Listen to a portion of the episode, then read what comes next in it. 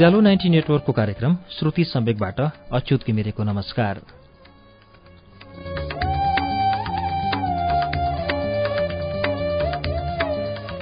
उज्यालो ninety network काठमाडौँसँगै देशभरिका विभिन्न FM स्टेशनहरूबाट एकैसाथ हरेक मंगलबार र शुक्रबार राति सवा नौ बजे कार्यक्रम श्रुति सम्वेक प्रसारण हुन्छ। श्रुति सम्वेकमा हामी वरिष्ठ लेखकहरूका उत्कृष्ट कृतिहरू वाचन गर्छौं। श्रुति सम्वेकको आजको श्रृङ्खलामा पनि हामी विगत केही श्रृङ्खलादेखि शुक्रबार हामीले वाचन गर्दै आएको किशोर नेपालको उपन्यास शहरको कथाको अन्तिम श्रृङ्खला लिएर आएका छौं। शहरको कथामाथि पाठक बोली भनेर यसै पुस्तकको दोस्रो संस्करणको पुस्तकमा छापिएका भनाइहरूमध्ये शुक्रबार साप्ताहिकका विप्लव प्रतीक लेख्नुहुन्छ। शहरको कथा यति द्रुत गतिमा बगेको छ कि कतिखेर अन्तिम हरफ सिद्धियो पत्तै हुँदैन। लेखकले कथालाई हामीले भोगेको कालखण्डको विशाल चित्रफलमा यसरी उतारेका छन् कि पढ्दा पढ्दै आफू पनि कथाका पात्रहरू सँगसँगै सयर गर्छ पाठक र जान्छ त्यता त्यता जता जता ती जान्छन्। त्यसै गरी यसै पुस्तकमाथि कान्तिपुरका सन्तोष आचार्य लेख्नुहुन्छ। उपन्यासकारको घ्राण शक्ति तीव्र छ। उनको उमेर बढ्दै गएको छ तर उपन्यास भने लक्का जवान जस्तो छ। उपन्यासकार पात्रका आवामण्डलमा पसेका छन् र त्यहाँबाट केही न केही किस्सा लिएर फर्केका छन्।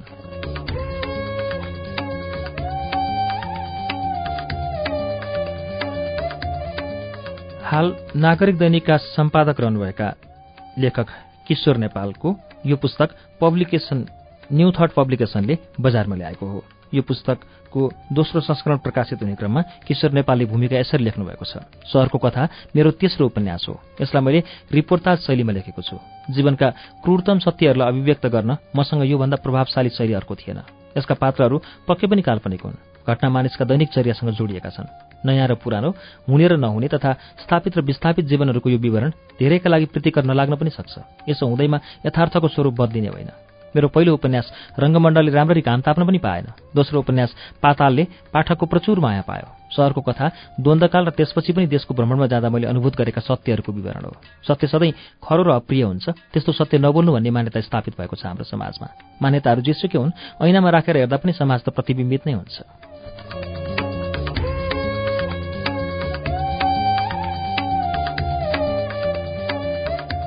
लेखक किशोर नेपालको उपन्यास सहरको कथाको अन्तिम श्रृङ्खला वाचन अब वाचन सुरु हुन्छ पृष्ठ एक सय छयत्तरबाट।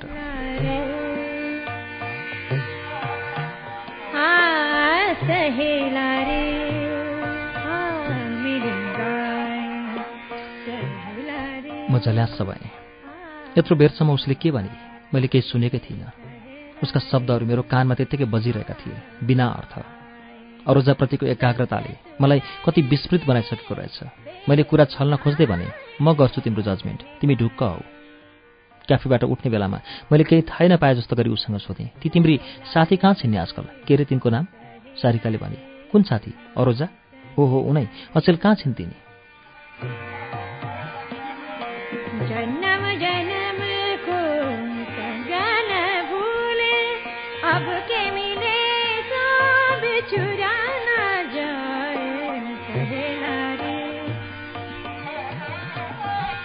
सारिकाले बताए। खै सर अचेल ऊ कहाँ छ? के गर्दैछ उसँग त मेरो सम्पर्क नै छैन। मलाई उसको बारेमा केही पनि थाहा छैन। केही महिना अगाडि भेटेकी थिएँ। उसको बुबाको स्वर्गवास भएछ। गाउँबाट आएको भन्दै थिए। बडो गम्भीर देखिन्थे मानिस भएर जन्मिएपछि कि क्रान्ति गर्न सक्नुपर्छ? होइन भने नसाले लठिएर सुत्नुपर्छ भन्थे। बडो एकोरेकी थिए त्यो। मलाई त मेन्टल भइसक्यो भनेर डर पनि लाग्यो। साथीहरूले उसलाई ठमेलतिर देखेका थिए अरे एउटा काले र एउटा मधेसीसँग घुम्दै थिए अरे बुबाको स्वर्गवासपछि आत्तिकी होली बिचारी। के गरोस् त्यसले पनि? त्यो पनि म जस्तै हो। त्यसको पनि सपोर्ट बेस्ट छैन। मान्छे अलिकति सेन्टी छ।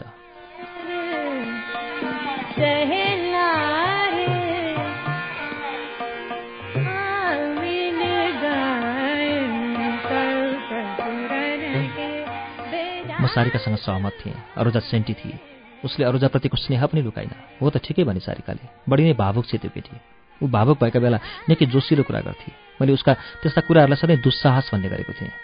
सारिकाको कुरा सुनेर म अरोजाका बारे थप चिन्तित भएँ। ऊ क्रान्तिकारी भयो भने त ठिकै छ तर क्रान्तिको भ्रममा परेर आतङ्ककारी बन्यो भने गाँजा खाएर लठिन थाली भने त त्यो केटीको कन्तबिजोक नै हुनेछ। सारिकाले अरोजालाई साथीहरूले कालेसँग देखेको भनेपछि म एकपटक झस्किएँ। पक्कै पनि ऊ सोलोमन हुनुपर्छ।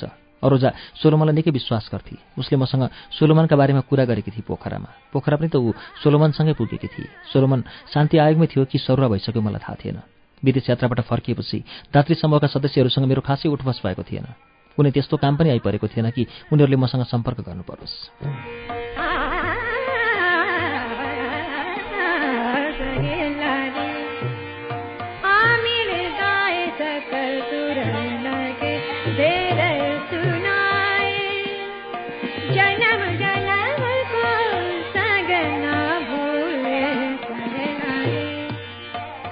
कसरी सम्पर्क गर्ने सोलोमानसँग उसँग सम्पर्क नगरी अरुजाका बारेमा थाहा पाउने अर्को कुनै बाटो थिएन। सामान्यभन्दा पनि पातलो चिन्जान थियो सोलोमानसँग मेरो। ऊ नीति निर्माणको तहमा थिएन शान्ति आयोगमा। अफिसर लेभलको एउटा क्लर्क मात्र थियो ऊ। तल्लो तहका जब होल्डरहरूसँग मेरो काम पर्दै पर्दैन थियो। सोलोमनसँग सम्पर्क गर्नु त्यति कठिन नभए पनि उसँगको मेरो सम्पर्क आफैमा एउटा घटना हुन सक्थ्यो। सधैँ नीति निर्माणको तहमा काम गर्ने पदाधिकारीहरूसँग मात्र हाँसखेल ठट्टा गर्ने। म जस्तो एउटा कथित प्रतिष्ठित व्यक्तिले एकैपल्ट पर्सनल विभागको अफिसरसँग सम्पर्क गर्नु समाचारको विषय पनि बन्न सक्थ्यो।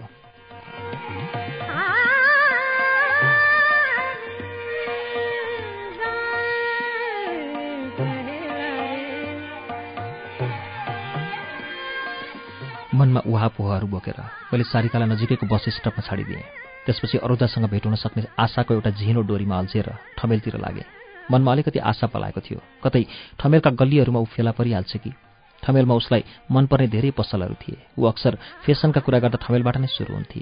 किताबका कुरा गर्दा पनि ऊ ठमेलमा पाइने सेकेन्ड ह्यान्ड बुक सपहरूको चर्चा गर्थे। म उसलाई मनपर्ने सेकेन्ड ह्यान्ड बुक सप र एक दुईवटा बुटिकभित्र छिरेँ। टोल सानो भएर पनि ठुलो भिडलाई धानिरहेको ठमेलको विशालताभित्र अरूजालाई खोज्नु सजिलो थिएन। फेरि ऊ यहाँ होली भन्ने त मैले कल्पना गर्ने मात्रै थियो। ऊ नेपालमा नै हुनुपर्छ भन्ने केही पनि थिएन।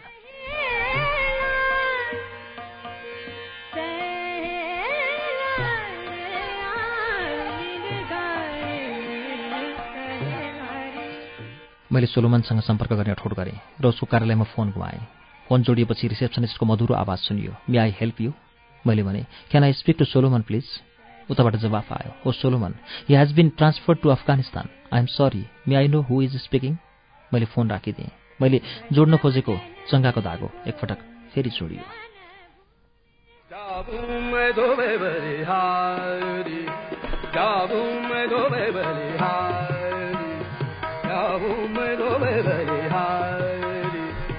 जाऊ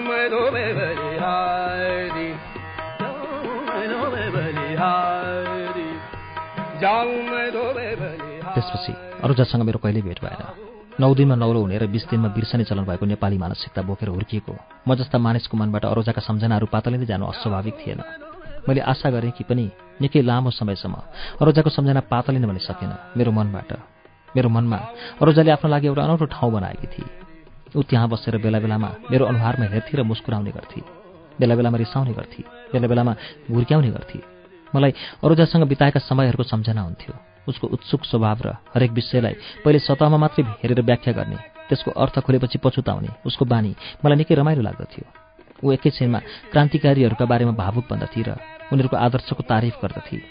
एकैछिनपछि उसको विचार बदलिन्थ्यो र भन्थे अरू सबै ठिक भए पनि त्यसरी छपक छपक मान्छे काट्न कसरी सकेको होला? एकपटक ऊ निकै हस्याङ फस्याङ गर्दै आएकी थिए मका।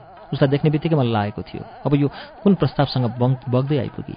उसले मसँग हतारिँदै भनेकी थिए सर म केही लेख्न चाहन्छु मान्छेहरूका बारेमा। सल्यानको बतासे डाँडामा बस्ने मान्छेहरूका बारेमा। म आफूले देखेको सत्यलाई जस्ताको तस्तै प्रस्तुत गर्न चाहन्छु।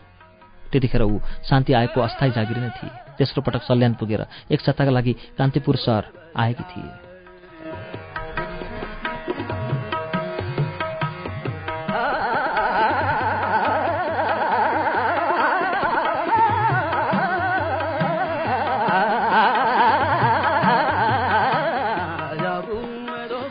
भन्दै थिए अस्ति म फेरि सल्यान पुगेँ। यसपल्ट गाउँबाट केही टाढै जानु पर्यो धेरै हिँड्न नपर्ला भनेर म त चप्पल लगाएर गएकी थिएँ। बाटो निकै अप्ठ्यारो रहेछ।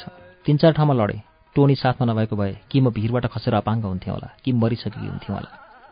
गाउँमा जान त्यति अप्ठ्यारो भए पनि त्यहाँ पुगेपछि मैले थाहा पाएँ हामी हिँडेर आएको बाटोभन्दा धेरै धेरै अप्ठ्यारो रहेछ मानिसको जीवन।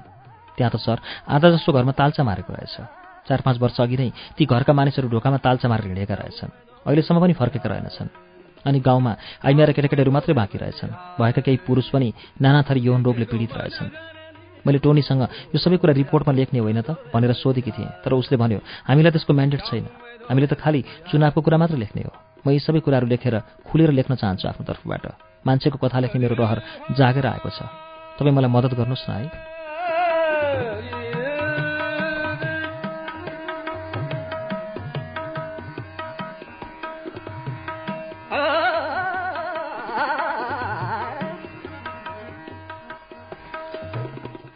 मैले उसलाई रुखो र ठाडो जवाफ दिएको थिएँ। अह म यसमा तिमीलाई मद्दत गर्न सक्दिनँ। उसले मलाई अविश्वसनीय आँखाले हेर्दै सोधेकी थिए किन? किन र सर? मैले जवाफ दिएँ तिम्रो प्रश्नको जवाफ टोनीले दिइसकेको छ। अहिले तिमीले यस्ता कुराहरू लेख्यौ भने त्यसले शान्ति आयोगलाई अप्ठ्यारोमा पार्न सक्छ। यहाँका राजनीतिक दलहरूले आयोगको विरोधमा जुलुस निकाल्न सक्छन्। क्रान्तिकारीहरूले शान्तिको बाटो त्याग्ने अवस्था पनि आउन सक्छ। त्योभन्दा पनि ठूलो कुरा तिम्रो जागिर जान सक्छ। कुटनीति र राजनीतिका यस्ता कुराहरू तिमी अहिले बुझ्दिनौ। काम गर्दै जाऊ सिक्दै जाऊ त्यसपछि मात्रै थाहा पाउनेछौ।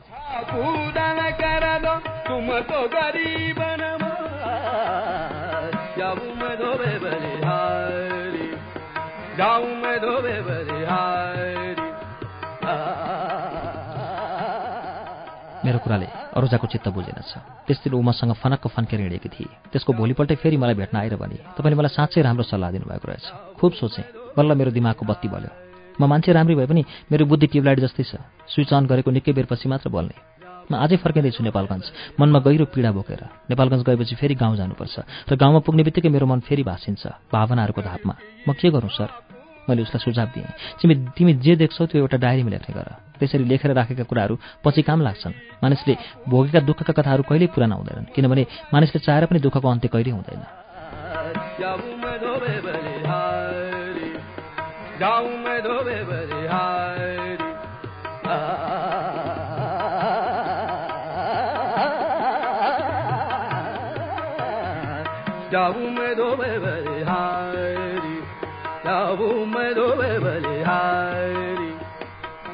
सुनेर अरूजा गदगद भएकी थिए। आहा क्या बोल्नुभयो सर? यो त बुद्धकै बोली भयो नि।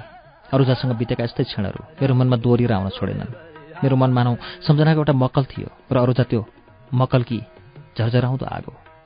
अरूजाका छायाहरूले मलाई घेर्न नछाडे पनि ती छायाहरूसँग लिप्त भएर बस्ने स्वभावको थिएन म। म बिस्तारै बिस्तारै आफ्नो काममा डुब्न थालेँ। काम गर्दै जाँदा उसको सम्झना आयो भने या त म कम्प्युटरमा तास खेल्थेँ या कुनै पुरानो हिन्दी गीतको धुनमा रमाउन थाल्थेँ।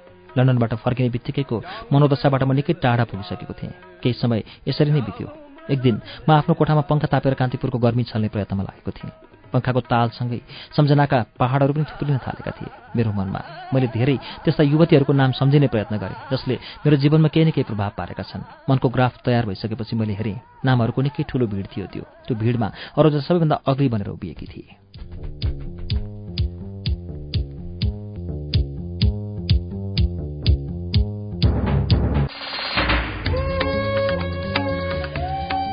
कार्यक्रम श्रुति सम्वेक तपाईँ अहिले उज्यालो नाइन्टी नेटवर्क काठमाडौँसँगै इलाम एफएम रेडियो ताप्लेजुङ झापाको एफएम मेचिट्युन्स र बिर्ता एफएम धरानको विजयपुर एफएम भोजपुरको रेडियो चोमोलङमा एफएम सिन्धुलीको रेडियो सहारा खोटाङको हलेसी एफएम बर्दिवासको रेडियो दर्पण सर्लाहीको रेडियो एकता रौतहटको नुन्थर एफएम रामेछापको रेडियो तीनलाल खोटाङको हलेसी एफएम दोलखा जिरीको रेडियो हिमाली नुवाकोट एफएम मकवानपुरको हेटौँडा एफएम र प्रतिध्वनि एफएम चितवनको रेडियो अर्पण रेडियो त्रिवेणी र रेडियो चितवनमा पनि सुनिरहनु भएको छ। त्यसै गरी फलेवासको रेडियो पर्वत रुकुमको रेडियो सिस्ने पाल्पाको श्रीनगर एफएम पोखराको रेडियो तरंग दमौलीको रेडियो भानुभक्त तनहुको रेडियो ढोरबाराही बागलुङको रेडियो सार्थी एफएममा पनि श्रुति समेक सुन्दै हुनुहुन्छ।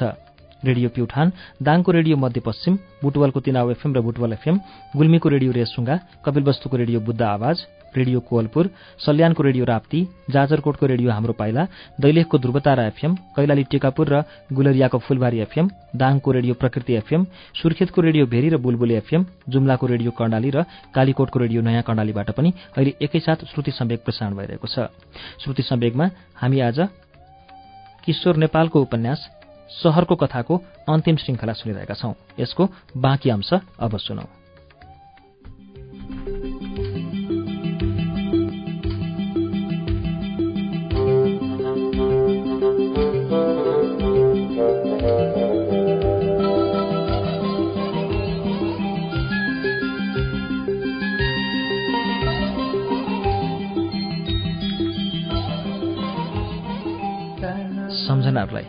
कोतर्दै गरेका बेला बजेको टेलिफोनको घन्टीले मेरो ध्यान भङ्ग गरिदियो मैले टेलिफोन उठाएँ एउटा यस्तो आवाज आयो जो मसँग परिचित थिएन र पनि कता कता त्यो आवाजलाई मैले सुनेको थिएँ हाई दिस इज सोलोमन म जससँग भएँ र आफू बसेको कुर्सीबाट एकाएक जुरुक्क उठेँ यति बेला सोलोमन मसँग भेट्न खोजिरहेको थियो केही समय अगाडि म उसलाई भेट्न खोजिरहेको थिएँ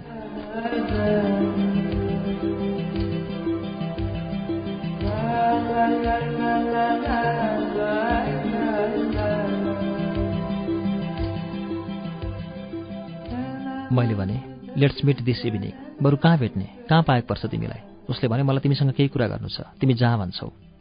विदेशीसँगको भेटघाटका लागि ठमेलभन्दा उपयुक्त थलो अर्को हुनै सक्दैन थियो। मैले एउटा कफी सपको नाम लिएँ। सोलोमनसँगको मेरो भेट सौहार्दपूर्ण रह्यो। हाम्रा बिच धेरै कुराहरू भएनन्। मैले सुरुमा नै उसँग सोधेँ अरोजा कहाँ छ? तिमीलाई त थाहा होला नि? सोलोमनले जवाफ दियो म तिमीसँग उसैको बारेमा कुरा गर्न खोजिरहेको थिएँ। मैले धेरैपल्ट तिमीलाई फोन गर्ने प्रयत्न गरेँ जेनेवाबाट पनि र काबुलबाट पनि। तर मेरो कल कहिले थ्रु भएन। मैले हतारिँदै सोधेँ कहाँ छ त्यो केटी? के गर्दैछ अहिले? म जति जति हतारिरहेको थिएँ त्यति नै शान्त भावमा सोलोमानले जवाफ दियो। एक महिना अगाडि त ऊ भारतको पुणेमा थिए। अहिले कहाँ चाहिँ मलाई पनि थाहा छैन।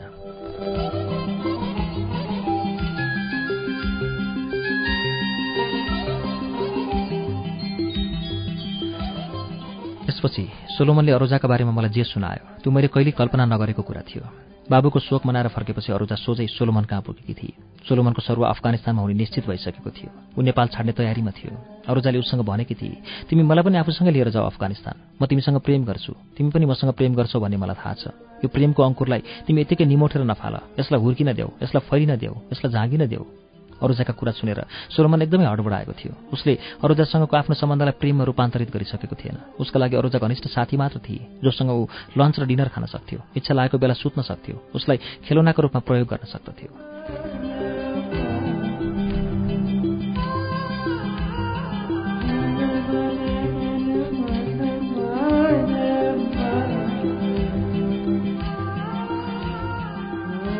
सोलोमन विवाहित थियो। उसकी स्वास्नीले भर्खर पढाइसकेकी थिए अमेरिकाको एउटा विश्वविद्यालयबाट। पढाइसकेर ऊ आयोगकै जेनेभा शाखामा जागिर खान थालेकी थिए। उनीहरूको एउटा बच्चा थियो जो आमासँगै जेनेभामा हुर्किराखेको थियो। सोलुमा एउटा पारिवारिक मानिस थियो। आफ्नो परिवारका प्रति इमान्दार उसका बाबु धर्मभिरू मुसलमान थिए। उनी नैरोबी सहरको एउटा सानो मुस्लिम समुदायका धर्मगुरु थिए र त्यहीँको एउटा सानो मस्जिदका मठाधीश। सोलोमन देश बाहिर रहेका बेला आफूलाई धर्मनिरपेक्ष सोच्दथ्यो। घर गएका बेला ऊ कट्टर मुसलमानको रूपमा प्रस्तुत हुने गर्दथ्यो। मुस्लिम धर्ममा एकभन्दा बढी स्वास्थ्य राख्नु पाइने चलन थियो तर सोलोमन आइमाईको मामिलामा अलिकति कमजोर थियो। ऊ धेरैसँग सम्बन्ध राख्दथ्यो। जहाँ जोसँग सम्बन्ध राख्यो त्यहाँ त्योसँग बिहे गर्नु उसका लागि सम्भव थिएन। उसको यो कमजोरी उसकी स्वास्नीलाई पनि थाहा थियो। अन्तर्राष्ट्रिय संस्थाहरूमा जागिर खाने मानिसहरू सधैँ स्वास्नीसँग बस्न पाउँदैनन्। उनीहरू सधैँ घरबाट बाहिर नै हुन्छन्। त्यसैले पनि स्वास्नीले सोलोमनको चरित्रमाथि खासै प्रश्न उठाएकी थिएन।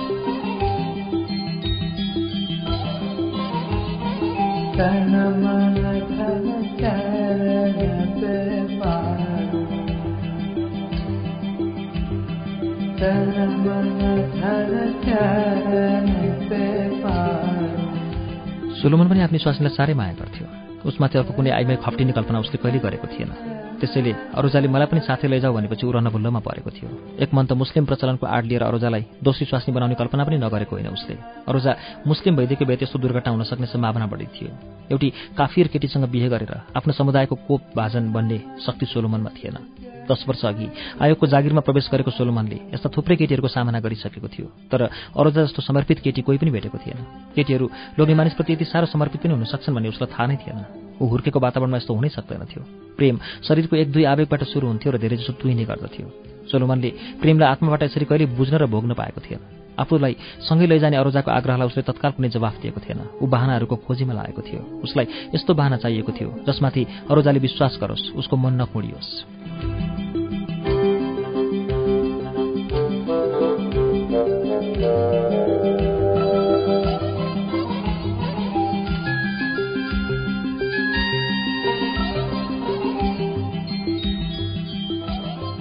सोलोमनले पुरै दिन र रात अरुजासँग कुरा गरेर बिताएको थियो। मायाको पसिनाले उनीहरू पटक पटक नेतृत्व भिजेका थिए। बिहान दुवै निकै ढिलो उठेका थिए। फ्रेस भइसकेपछि ब्रेकफास्ट खाँदा सोलोमनले अरोजालाई भनेको थियो तिमीलाई म अहिले नै अफगानिस्तान लैजान सक्दिनँ। तिमी केही महिना मलाई यहीँ पर्ख। म तिम्रो लागि कुनै न कुनै व्यवस्था गरिदिन्छु। तिमी चाहन्छौ भने यही फ्ल्याटमा आएर बस। म थप अरू छ महिनाको लागि यो फ्ल्याट भाडामा दिन्छु। तिमीलाई यहाँ सुविधा पनि हुन्छ। सोलोमन के भन्दै थियो बुझ्न अरोजालाई बेर लागेन। उसको मन भाँचिसकेको थियो। ऊ रुन पनि नसक्ने र हाँस्न पनि नसक्ने अवस्थामा पुगेकी थिए। सोलोमन बोलिसकेपछि ऊ ब्रेकफास्ट खाँदा खाँदै अचानक जुरुको उठेकी थिए र सोलोमनलाई उसको सुखद यात्राको कामना गर्दै कोठाबाट बाहिरिएकी थिए।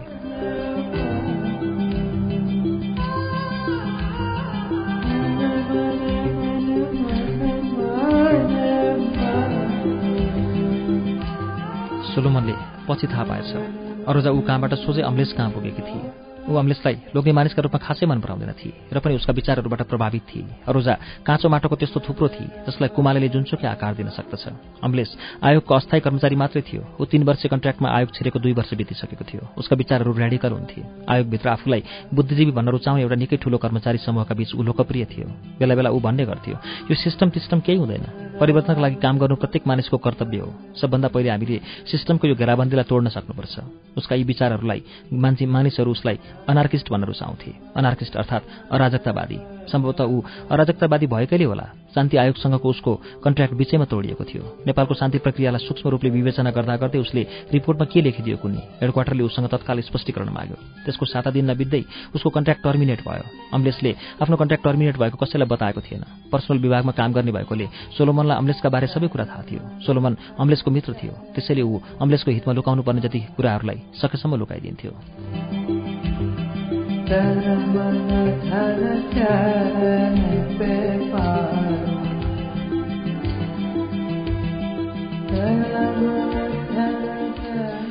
सोलोमनले पनि अम्लेसको व्यक्तित्वभित्र लुकेको रहस्यका बारे निकै पछि मात्र थाहा पाएको थियो। अम्लेस दक्षिण एसियाली देशमा प्रशस्त देखिने क्रान्तिकारी राजनीतिक प्रवृत्तिको प्रतीक थियो।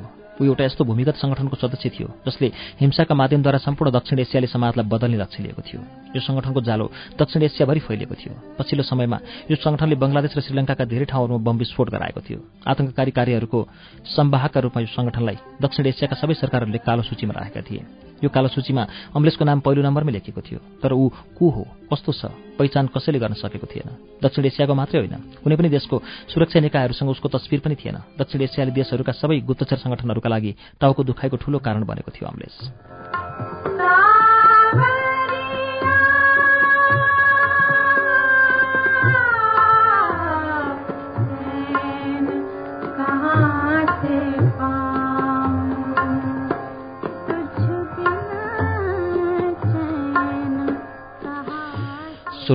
अरोजाका बारेमा थप जे बताए त्यो मैले विश्वास गर्न सक्ने कुरा थिएन। अरोजा नाम गरेकी एउटी नेपाली केटी अम्लेसको हातमा परेर क्रान्तिकारीमा रूपान्तरित भइसकेकी थिए। अम्लेसले उसलाई त्यो समूहसँग आबद्ध गराएको थियो। जुन समूह परिवर्तनका लागि आफ्नो प्राण त्याग्न पनि तत्पर थियो। तन्नेरी उमेरका केटाकेटीहरूको दिमागमा क्रान्तिको उन्माद भरिदिएर उनीहरूलाई आत्मघाती बमको रूपमा प्रयोग गर्ने त्यो समूहले दक्षिण एसियाका धेरै साना ठुला राजनीतिक नेताहरूको ज्यान लिइसकेको थियो।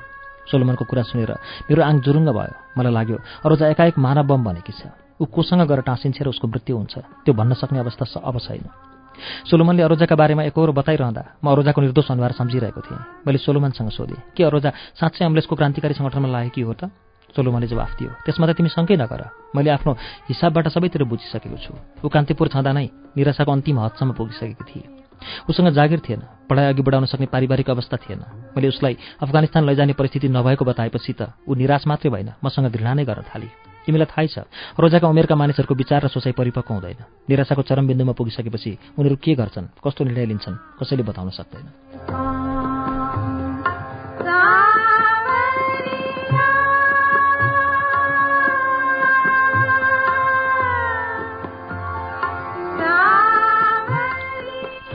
त्यसपछि मैले सोलोमनसँग अम्लेसको कन्ट्याक्ट नम्बरमा आएको थिएँ। उसँग एउटा नम्बर त थियो तर अम्लेस त्यसको प्रयोग गर्दै थियो कि थिएन उसलाई थाहा थिएन। सोलोमनले मलाई केही कुरा पनि राटेको थिएन। ऊ आफै दुःखी थियो अरूजाका लागि। ऊ भित्रको पीडा अनुभव गरिरहेको थिएँ म तैपनि मैले सोधेँ यो नम्बरमा अम्लेससँग कन्ट्याक्ट नभए पनि उसका सहयोगीहरूसँग त कन्ट्याक्ट हुन सक्ला नि? सोलोमनले जवाफ दियो भन्न सक्दिनँ। तिमीलाई थाहै छ क्रान्तिकारीहरू मोबाइलको नम्बर दिनहुँ बदलिरहन्छन्। तिमी ट्राई गरिहेर न। हो त। मैले सम्झेँ केही समय अघिसम्म हाम्रो देशमा पनि यस्तै हुन्थ्यो। भूमिगत युद्धमा लागेका कार्यकर्ताहरू मोबाइलको नम्बर फेरिरहन्थे तर एउटा नम्बर फेला पारेपछि जसो तसो चाहेको मानिससँग सम्पर्क छुतो जोडिन्थ्यो। अलिकति चिने जानेको क्रान्तिकारी पऱ्यो भने कहीँ न कहीँबाट सम्पर्क गरिहाल्थ्यो। सोलोमनसँग बिदा लिएर म फर्केँ। त्यसपछि सोलोमनले दिएको नम्बरमा अम्लेससँग सम्पर्क गर्न खोजेँ। धेरै पटकसम्म प्रयास गर्दा पनि इङ्गेज टोन आइरह्यो। अन्तिम पटक कल गर्दा मोबाइल अपरेटरको कर्कस आवाज सुनियो the number you have dialled does not exist. मैले अरूजनालाई सपनामा देखेँ रात। गुलाबी रङको पहिरनमा ऊ एकदमै ठाँटिएकी थिए। उसलाई सुहाएको थियो त्यो रङ। उसले आफ्नो कमिजको तिनवटा बटन खोलेकी थिए र जिन्सको हाफ प्यान्ट लगाएकी थिए। यो भेषमा मैले अरूजालाई पहिले कहिले देखेको थिएन। सपनामा पनि र विपनामा पनि।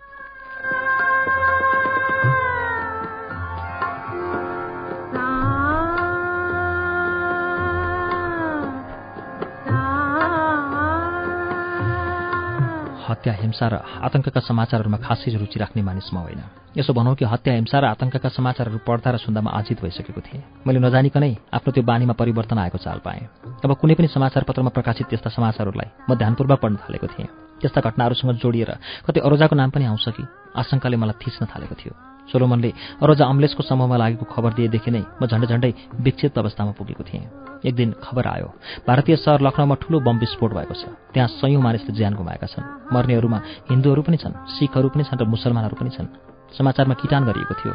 घटना अम्लेस समूहभित्रकै एउटा आत्मघाती उपसमूहले गराएको थियो। घटनाको मुख्य पात्रको रूपमा शङ्का गरिएको व्यक्तिको नाम सकिल थियो। ऊ बिस बाइस वर्षको एउटा यस्तो केटो थियो जो लामो समयसम्म बेरोजगारीको मारमा परेर जीवनसँग उक्ताइसकेको थियो। उसलाई कसैले भनेको थियो स्वर्गमा पुगेर ईश्वरसँग भेट्नका लागि कम्तीमा पनि दसजना काफिरको हत्या गर्नुपर्छ। ईश्वरसँग भेट्ने उन्मादमा ऊ लखनऊ विस्फोटको मुख्य पात्र बनेको थियो।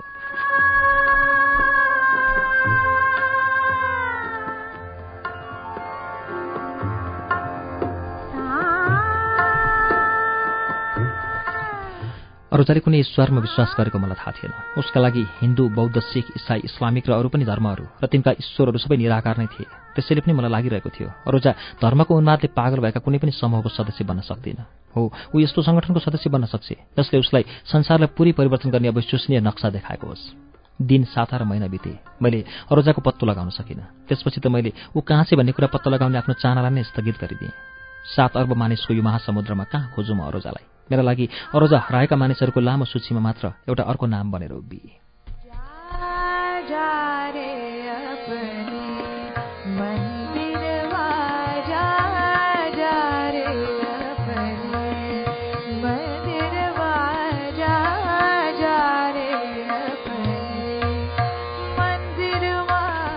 साँझ। म सहरबाट केही केही किलोमिटर टाढा झन्डै पन्ध्र हजार फिट अग्लो डाँडामा रहेको एउटा घरको पिँढीमा थिएँ। यो घर एउटा सानो र सुविधाजनक रिसोर्ट थियो।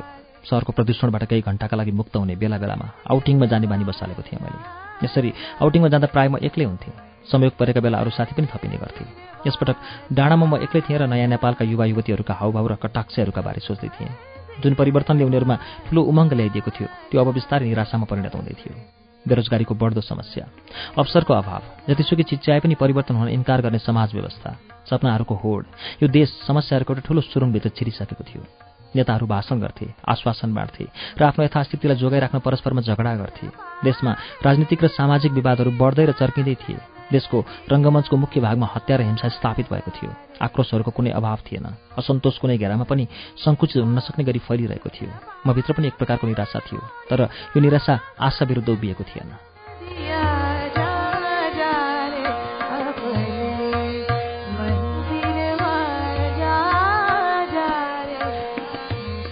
सहरमा चौधदेखि अठार घन्टासम्म लोड सेडिङ हुन थालेको थियो। कुन एरियामा कुन दिन कति घन्टा बत्ती निम्ने हो विद्युत वितरण गर्ने संस्था स्वयं नै पनि रणभुल्लोमा परेको थियो। कोही दिन पनि केही बताउन सक्ने स्थितिमा थिएन। राजनीतिक दलका नेताहरू लोड सेडिङका सम्बन्धमा आफ्ना विचारमा अडिक थिए। हाल सरकारमा रहेका नेताहरू पूर्ववर्ती सरकारका गल्तीका कारण देशले उज्यालोको सङ्कटकाल बिहोर्नु परेको भाषण गर्दै पन्छिन खोज्थे।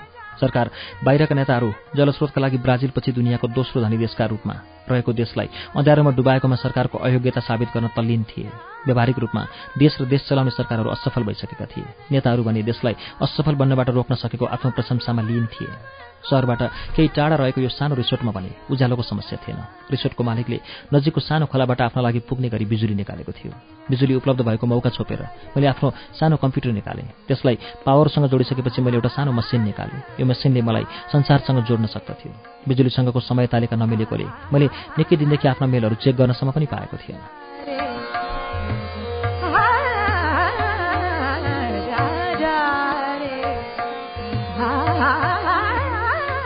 एकैछिनपछि म संसारसँग जोडिएँ। त्यही बेला पिँढी छेउको चुवाको बोटमाथि एउटा कालो काग आएर बस्यो। मैले त्यो कागलाई निकै बेरसम्म घोरिएर हेरिरहेँ। केही बेरपछि काग कराउन थाल्यो कुवा कुवा गरेर। मैले मेलको इनबक्स खोलेँ। स्पाम र नन स्पाम भेराइटीका झन्डै साठीवटा भन्दा बढी मेल जम्मा भइसकेका रहेछन्। मैले मेल पठाउनेहरू सबैको नाम सरसर्ती हेरेँ। केही व्यावसायिक मेलहरू थिए। धेरै विभिन्न वस्तुका विज्ञापन। तीमध्ये दुईवटा मेलमा मेरो आँखा टक्क अडिए। ती व्यक्तिगत थिए। एउटा मेल सारिकाले पठाएकी थिए। अर्को मानुष्यले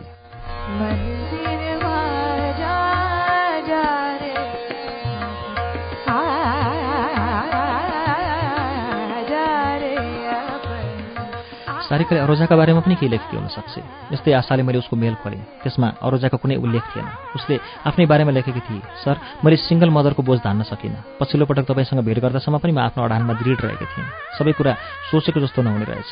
आमा बुबाको ठुलो दबाब पर्यो मलाई। मलाई ऋतुदान गर्ने मेरो बोयफ्रेन्डले पनि प्रेसर खपेर मनको बोझ धानिरहन सकेको थिएन। त्यसैले मैले मेरो बच्चीको बाबुको नाम सार्वजनिक गरेँ। गएको साता उसले आमा बुबाको उपस्थितिमा मेरो सिउँदोमा सिन्दुर हाल्यो। आफ्नै छोरीलाई नाम दियो। म अब एक्लै आमाबाट श्रीमती सारिकामा परिवर्तित भएँ।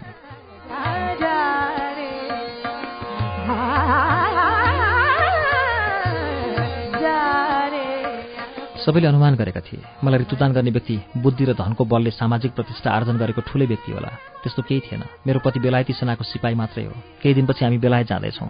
मलाई यो सहर छाड्ने मन थिएन। तर छोरीको भविष्यका लागि मैले अर्को विकल्प फेला पार्न सकिनँ। बेलायतमा बसे पनि म आफ्ना मनका कुराहरू तपाईँलाई सुनाउन छाड्ने छैन। तपाईँबाट पाएको स्नेह र सद्भावका लागि सधैँ आभारी रहनेछु। भुलचुक केही भएमा माफी दिनुहुनेछ। सारिका।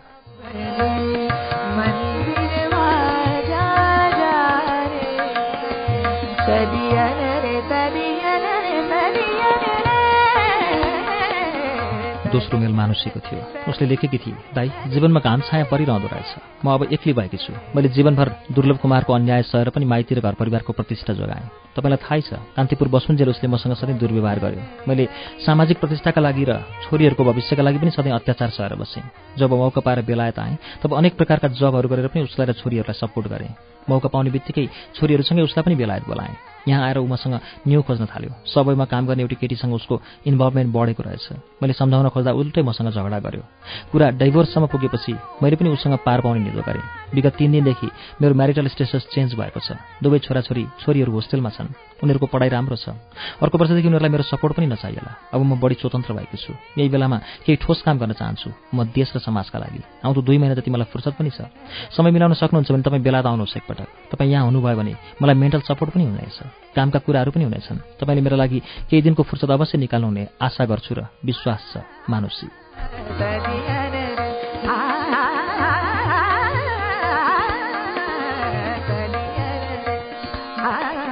मैले मेल पढी सिद्धाएँ कमेडी र ट्रेजेडीको यो कस्तो विलक्षण संयोग थियो? यति नै बेला मेरो आँखा अर्को इमेलमा पर्यो। पहिले त मलाई लाग्यो यो स्पाम हो कुनै कम्पनीको विज्ञापन। तैपनि मलाई कसो कसो मेल खोलेर हेर्न मन लाग्यो। मेलमा एउटा छोटो सन्देश थियो। रुखो र कठोर हिन्दी भाषामा लेखेको थियो कामरेड अरोजाले संसारका गरिबहरूको उद्धारका लागि आफ्नो जीवनको बलिदान दिइन्। उनी जनमुक्ति मोर्चाको कार्यक्रम अनुसार अस्सामको गुवाहाटीमा मुख्यमन्त्रीमाथि आत्मघाती बम विस्फोट गराउने सिलसिलामा शहीद भइन्। उनले आफ्नो जीवनमा कुनै महत्वपूर्ण घटना भयो भने त्यसको खबर तपाईँलाई दिनु भनेकी थिइन्। उनको अन्तिम इच्छा पूरा गर्न यो मेल पठाइएको छ। शहीद अरोजा जिन्दाबाद। पढेर म स्तब्ध भएँ। मैले अरोजा मारिएको कुरा पत्याउनै सकिनँ। मलाई लाग्यो साँच्चै स्पाम हो। यस्तो त हुनै सक्दैन। मेरो अगाडि एउटा ठुलो पहाड थचक्क आएर बसेको थियो। अर्को दिनका सबै भारतीय समाचार पत्रहरूमा घटनाको पूर्ण विवरण छापिएको थियो। अक्षरहरूले अरोजाको आकृतिको आकार लिइरहेका थिए।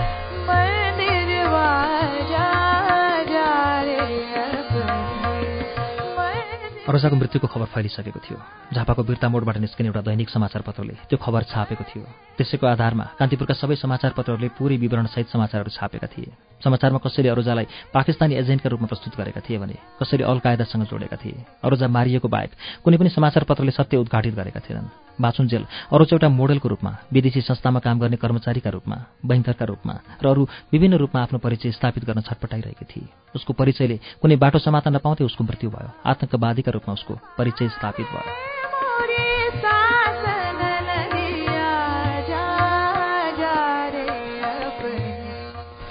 अरोजाको मृत्युको खबर पढेर बैजन्ती मर्माहत भई। ऊ आफ्नो कोठामा गएर दराजमा बडो जतन साथ राखेको अल्बम निकाली। उसको अल्बममा धेरै तस्विर थिएनन्। उसको बाबुआमा जयकिसन र अरोजाको तस्विर मात्रै थियो त्यसमा। उसले अल्बम पल्टाएर अरोजाको तस्विर हेरी। चम्किलो अनुहारमा खिलखिलाइरहेको आँसु। बैजन्तीको आँखाको उज्यालो धमिलो भयो। अरोजा आतंकवादी भएको त उसले पत्याउनै सकिन। ऊ आफैसँग बोली यस्तै राम्री केटी पनि जङ्गली हुन्छन् र त्यसै दिनदेखि सहरको कथाको अर्को भाग सुरु भएको छ। कथाले निरन्तरता पाउनैपर्छ सहरको कथा एउटी अरोजामा टुङ्गिँदैन किनभने धेरै अरोजाहरूको सामूहिक कथाको नाम हो सहर।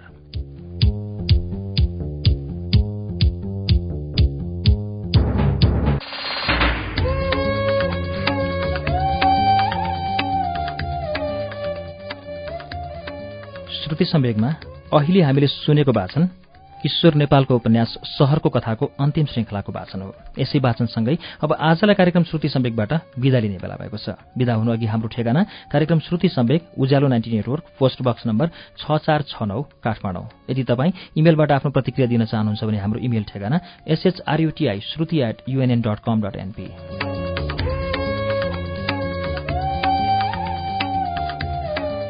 हवस् त अर्को साता अर्को कुनै गद्दी लिएर आउनेछौँ। त्यसअघि मङ्गलबारको श्रृङ्खलामा कृष्ण धरावासीको उपन्यास पाण्डुलिपिको वाचन हुनेछ। आजका लागि प्राविधिक साथी दिनेश निरौला सहकर्मी मण्टेश्वरी राजभण्डारी र म अच्युत घिमिरे विदा चाहन्छौ। शुभरात्री।